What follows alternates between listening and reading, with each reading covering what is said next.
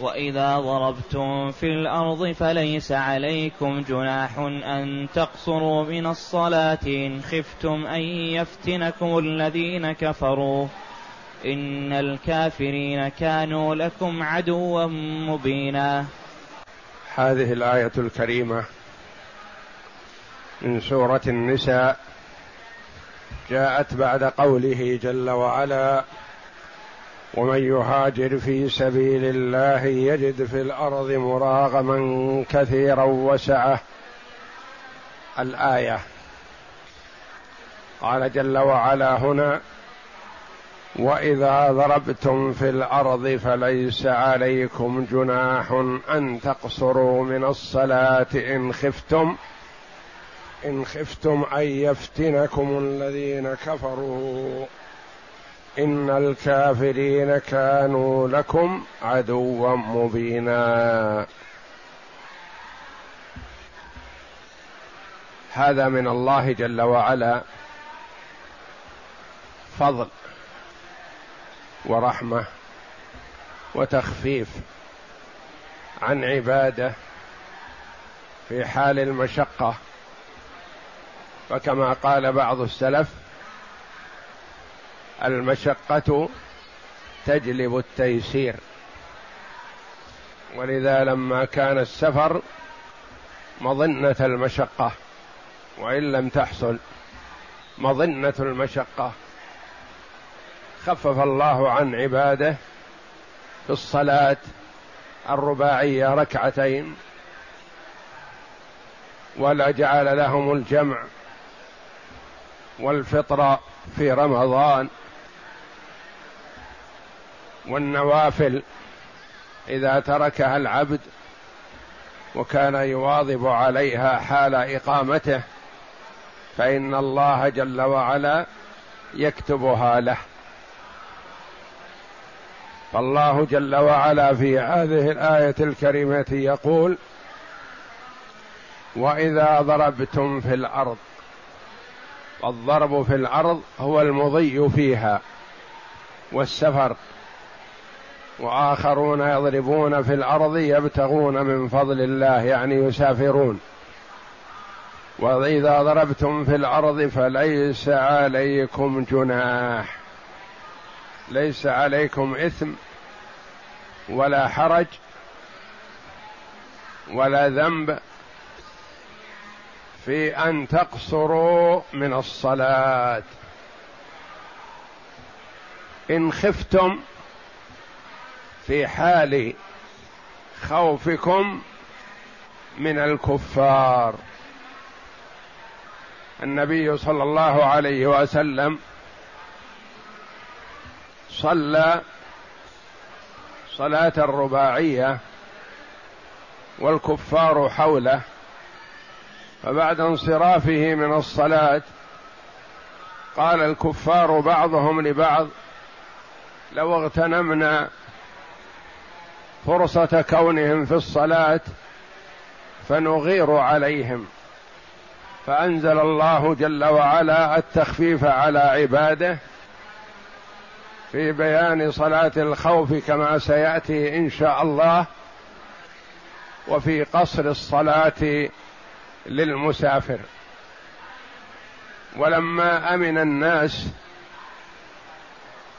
كان الناس في أول الأمر وبعد الهجرة كان المسلمون في حال خوف وقل ألا يكونوا في حال خوف لأن الأعداء من كل جانب تحيط بهم. فكان غالب أسفارهم ووقت نزول هذه الآية خائفين. ثم إن النبي صلى الله عليه وسلم استمر في القصر بعد ذهاب الخوف. فخرج من المدينة عليه الصلاة والسلام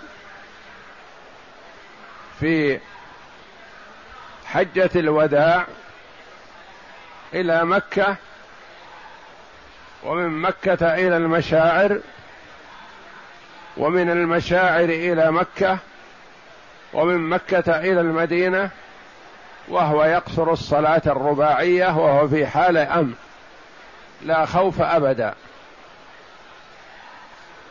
وقد سأل عمر رضي الله عنه النبي صلى الله عليه وسلم عن ذلك فأجابه النبي صلى الله عليه وسلم بأن هذا نعمة ورخصة وفضل من الله جل وعلا. تستمر في حال الخوف وفي حال الأمن كما سيأتي في الأحاديث الصحيحة. والجمهور على أن القصر مستحب في حال الأمن وفي حال الخوف. آخرون يرون أن القصر واجب لأن الأصل في صلاة السفر ركعتان فالزيادة عليها غير صحيحة. آخرون يرون أن القصر لا يكون إلا في حال الخوف. وأما في حال الأمن فلا وأخذوا من قوله جل وعلا إن أن تقصروا من الصلاة إن خفتم أن يفتنكم الذين كفروا. لكم القصر في حال هذا الشرط. وأجاب الجمهور بأن القصر في حال الخوف ثابت في الآية الكريمة والقصر في حال الأمن ثابت في السنة الصحيحة قولا وفعلا منه صلى الله عليه وسلم. فلا مجال للشك في هذا. ثم بين صلى الله عليه وسلم عداوة الكفار للمؤمنين وأنه لا يجوز لمؤمن أن يستنصح أو أن يقبل من كافر لأن الغالب عليهم الغدر والخيانة وهم عدو للمؤمنين بقول الله تبارك وتعالى لا مجال للشك في ذلك إن الكافرين كانوا لكم عدوا مبينا يعني بينا واضحا عداوتهم. فلا تتشككوا في هذا كما قال جل وعلا في حق الشيطان إن الشيطان لكم عدو فاتخذوه عدوا. فالخبر الذي أخبر الله جل وعلا فيه أو عنه لا مجال للشك فيه ولا ينبغي ولا يجوز لمؤمن أن يستنصح من كافر. لأن هذا هو الغالب عليهم وقل أو ندر أو قد لا يكاد يوجد من ينصح للمؤمنين. اقرأ لا تختصر شيئا. يقول تعالى وإذا ضربتم في الأرض أي سافرتم في البلاد كما قال تعالى وآخرون يضربون في الأرض وقوله فليس عليك فليس عليكم جناح أن تقصروا من الصلاة أي تخففوا منها إما من كميتها بأن تجعل الرباعية ثنائية كما فهمه الجمهور من هذه الآية واستدلوا بها على قصر الصلاة في السفر على اختلافهم في ذلك فمن قائل لا بد أن يكون والقصر في اللغة هو التضييق كما قرر أهل اللغة التضييق وقيل النقص منها. نعم. فمن قائل لا بد أن يكون سفر طاعة ومن من جهاد أو حج أو عمرة أو طلب علم أو زيارة أو غير ذلك. ومن قائل لا يشترط سفر القربة بل لا بد أن يكون مباحا لقوله فمن اضطر في مخمصة غير متجعل بالنسبة لأنواع السفر أنواع السفر ثلاثة. سفر طاعة وسفر مباح وسفر معصية. فبعض العلماء يرى أن القصر خاص في سفر الطاعة فقط. وبعضهم يقول في سفر الطاعة وفي السفر المباح. وبعضهم يقول في سفر الطاعة والسفر المباح وحتى السفر المحرم. لو خرج وسافر لقطع الطريق أو لمعصية أو ليقع في المعصية فله أن يقصر في الصلاة لأن القصر للسفر وقد وجد. وسفر الطاعة كالحج والعمرة والجهاد وطلب العلم وزيارة الأقارب وصلة الأرحام والسفر من أجل نفع الغير والسفر المباح كسفر التجارة وسفر النزهة والسياحة ونحو ذلك. والسفر المحرم كسفر المعصية من قطع الطريق أو وقوع في معصية أو يسافر من أجل أن يفطر في رمضان. يتحيل مثلا يسافر في رمضان حتى يفطر لأن رمضان يكون في وقت الصيف. ثم يقضي عن هذه الأيام أياما قصيرة في وقت الشتاء. هذا يعتبر سفر معصية إذا قصد ذلك.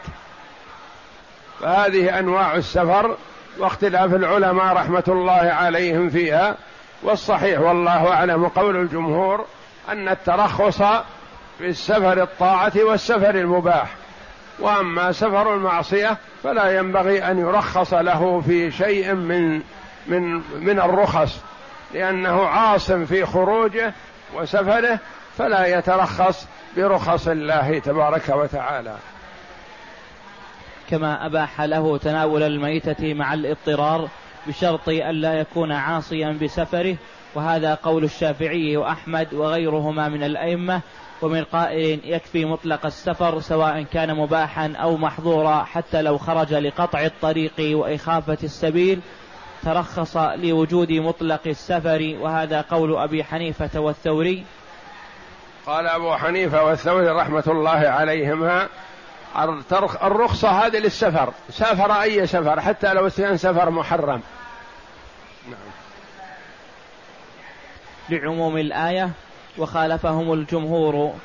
وأما قوله تعالى إن خفتم أن يفتنكم الذين كفروا فقد يكون هذا خرج مخرج الغالب. حال نزول هذه الآية فإن في فإن في مبدأ الإسلام بعد الهجرة كان يعني غالب أسفاره يعني هذا الغالب أن سفر الصحابة مع النبي صلى الله عليه وسلم وسفرهم بدون النبي صلى الله عليه وسلم كان في خوف. ووقت نزول هذه الآية بعد الهجرة لأن هذه من من السور ومن الآيات المدنية. والغالب في أسفارهم كلها خوف. حتى تم فتح مكة بإذن الله ارتفع الخوف في بعض البقاع وبقي الخوف في بعضها. نعم. فإن في مبدأ الإسلام بعد الهجرة كان غالب أسفارهم مخوفة بل ما كانوا ينهضون إلا إلى غزو عام أو في سري غزو عام أو في سرية خاصة وسائر الأحيان حرب للإسلام وأهله. والمنطوق إذا خرج مخرج الغالب أو على حادثة فلا مفهوم له كقوله تعالى ولا تكرهوا فتياتكم على البغاء إن أردنا تحصنا. وكقوله تعالى وربائبكم اللاتي في حجوركم من نسائكم. وقال الإمام أحمد عن يعلى بن يعني أنها محرمة على الربيبة محرمة على ربيبها حتى وإن لم تكن في حجره وإن كانت عند أبيها. وإن كانت عند أجدادها فهي محرمة على زوج أمها. وقال الإمام أحمد عن يعلى بن أمية قال سألت عمر بن الخطاب رضي الله عنه وقلت له هذا يعلى بن أمية يسأل عمر يقول إن الله جل وعلا يقول فلا جناح عليكم أن تقصروا من الصلاة إن خفتم أن يفتنكم الذين كفروا والآن ما في خوف أمن. فأجابه عمر رضي الله عنه. انتبه لذلك. سألت عمر بن الخطاب رضي الله عنه حديث يعلى بن أمية. وقال الإمام أحمد عن يعلى بن أمية قال سألت عمر بن الخطاب رضي الله عنه قلت له قوله, قوله تعالى فليس عليكم جناح أن تقصروا من الصلاة إن خفتم أن يفتنكم الذين كفروا وقد أمن الناس. فقال لي عمر رضي الله عنه عجبت مما عجبت منه. فسألت عجبت مما عجبت منه. يعني عجبت أنا مما عجبت أنت منه فسألت رسول الله صلى الله عليه وسلم. فتاء المتكلم مرفوعة مضمومة. وتاء المخاطب مفتوحة. عجبت مما عجبت منه. صراط الذين أنعمت عليهم. لو قال أنعمت عليهم حال المعنى وبطلت الصلاة. فسألت رسول الله صلى الله عليه وسلم عن ذلك فقال صدقة تصدق صدقة يعني هذه صدقة. صدقة تصدق الله بها عليكم فاقبلوا صدقته. وعن أبي حنظلة هذا الحديث رواه مسلم والإمام أحمد وأهل السنن رحمة الله عليهم. صدقة من الله صدقة تصدق الله بها عليكم فاقبلوا صدقته. نعم. وعن أبي حنظلة قال سألت ابن عمر عن صلاة السفر فقال ركعتان فقلت أين قوله إن خفتم أن يفتنكم الذين كفروا ونحن آمنون؟ فقال سنة رسول الله صلى الله عليه وسلم. سنة رسول الله صلى الله عليه وسلم فالواجب على المسلم ما ثبت من سنة رسول الله صلى الله عليه وسلم أن يأخذ به سواء فهم العلة أو لم يفهم. وما كان لمؤمن ولا مؤمنة إذا قضى الله ورسوله امرا أن يكون لهم الخيارة من أمرهم. وإنما المسلم يقول سمعا وطاعة لله جل وعلا ولرسوله صلى الله عليه وسلم. وقال ابن مردوي عن أبي الوداك قال قال سألت ابن عمر رضي الله عنه عن ركعتين في السفر فقال هي رخصة نزلت من السماء فإن شئتم فرد فردوها.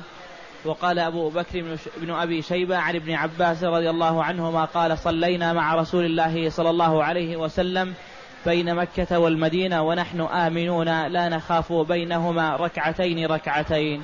بين مكة والمدينة يعني في حجة الوداع. وقال البخاري عن أنس يقول خرجنا مع رسول الله صلى الله عليه وسلم من المدينة إلى مكة فكان يصلي ركعتين ركعتين حتى رجعنا إلى المدينة. قلت أقمتم بمكة. حتى رجع يعني من خروجه من المدينة في ذي القعدة حتى رجع في ذي الحجة وهو يقصر الصلاة لأنه مواصل السفر. ما أقام أكثر من أربعة أيام في مكان ما. دخل مكة في اليوم الرابع من ذي الحجة وخرج منها إلى منى في اليوم الثامن من ذي الحجة. نعم. وقال وقال البخاري عن عبد الله بن عن عبد الله بن عمر قال صليت مع رسول الله صلى الله عليه وسلم ركعتين وأبي بكر وعمر مع ركعتين وأبي بكر وعمر وعثمان صدرا وعثمان صدرا من إمارته ثم أتمها. وحدثنا إبراهيم قال سمعت عبد الله عبد الله بن يزيد يقول صلى بنا عثمان بن عفان رضي الله عنه بمنى أربع ركعات فقيل في ذلك لعبد الله بن مسعود رضي الله عنه فاسترجع ثم قال صليت مع رسول الله صلى الله عليه وسلم بمنى ركعتين وصليت مع أبي بكر بمنى ركعتين وصليت مع عمر بن الخطاب بمنى ركعتين فليت حظي من أربع ركعات ركعتان متقبلتان.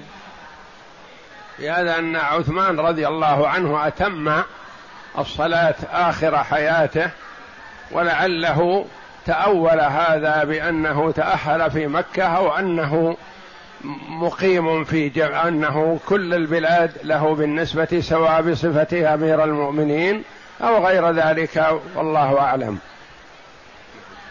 فهذه الأحاديث دالة صريحة على أن القصر ليس من شرطه وجود الخوف ولهذا قال من قال من العلماء إن المراد من القصر ها هنا إنما هو قصر الكيفية لا الكمية وهو قول مجاهد والضحاك والسدي كما سيأتي بيانه. فيقال القصر في الخوف ثابت بالآية الكريمة والقصر في الأمن ثابت في السنة الصحيحة والحمد لله.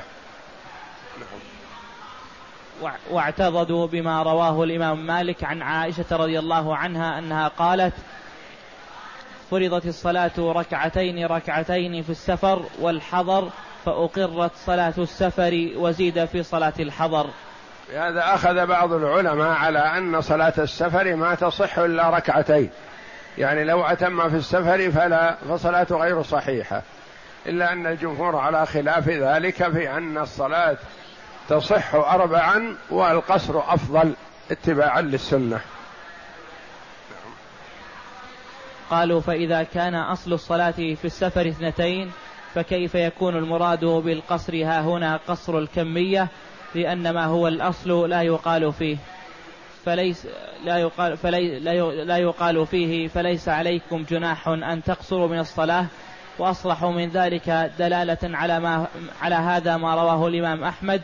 عن عمر رضي الله عنه قال صلاة السفر ركعتان وصلاة الأضحى ركع الأضحى ركعتان وصلاة الفطر ركعتان وصلاة الجمعة ركعتان تمام غير قصر على لسان محمد صلى الله عليه وسلم.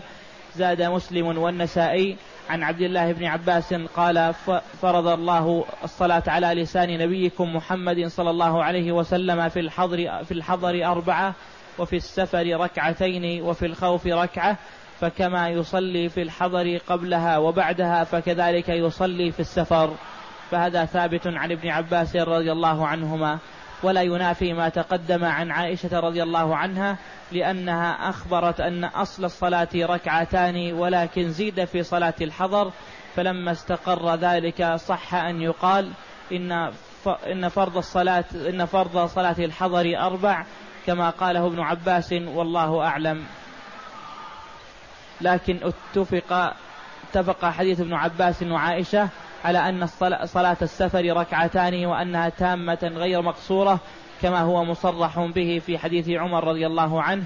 وإذا كان كذلك فيكون المراد بقوله تعالى فليس عليكم جناح أن تقصروا من الصلاة قصر الكيفية كما في صلاة الخوف. ولهذا قال تعالى إن خفتم أن يفتنكم الذين كفروا الآية. ولهذا قال بعدها وإذا كنت فيهم فأقمت ف وإذا, وإذا كنت فيهم فأقمت لهم الصلاة الآية فبين أن المقصود من القصر ها هنا وذكر صفته وكيفيته ولهذا لما عقد البخاري كتاب صلاة الخوف صدره بقوله تعالى وإذا ضربتم في الأرض فليس عليكم جناح أن تقصروا من الصلاة وقال مجاهد فليس عليكم جناح أن تقصروا من الصلاة يوم كان النبي صلى الله عليه وسلم وأصحابه بعسفان والمشركون بضجنان فتوقف فتوافقوا فصلى النبي صلى الله عليه وسلم بأصحابه فصلى النبي صلى الله عليه وسلم بأصحابه صلاة الظهر أربع ركعات بركوعهم وسجودهم وقيامهم معا جميعا فهم بهم المشركون أن يغيروا على أمتعتهم وأثقالهم. وقال ابن جرير عن أمية بن عبد الله بن خالد بن أسيد أنه قال لعبد الله بن عمر إنا نجد في كتاب الله قصر صلاة الخوف ولا نجد قصر صلاة المسافر. فقال عبد الله إنا وجدنا نبينا صلى الله عليه وسلم يعمل عملا عمل عملنا به. فقد سمى صلاة الخوف مقصورة وحمل الآية عليها لا على قصر الصلاة المسافر وأقره ابن عمر على ذلك واحتج على قصر الصلاة بفعل الشارع لا بنص القرآن. وأصرح من هذا ما رواه ابن جرير أيضا عن سماك الحنفي. قال سألت ابن عمر عن صلاة السفر فقال ركعتين تمام غير قصر إنما القصر في صلاة المخافة. فقلت وما صلاة المخافة؟ قال يصلي الإمام بطائفة الركعة ثم يجيء هؤلاء إلى مكان هؤلاء ويجيء هؤلاء إلى مكان هؤلاء فيصلي بهم ركعة فيكون للإمام ركعتان ولكل طائفة ركعة ركعة. وهذا سيأتي إن شاء الله في صلاة الخوف غدا والله أعلم وصلى الله وسلم وبارك على عبده ورسول نبينا محمد وعلى آله وصحبه أجمعين.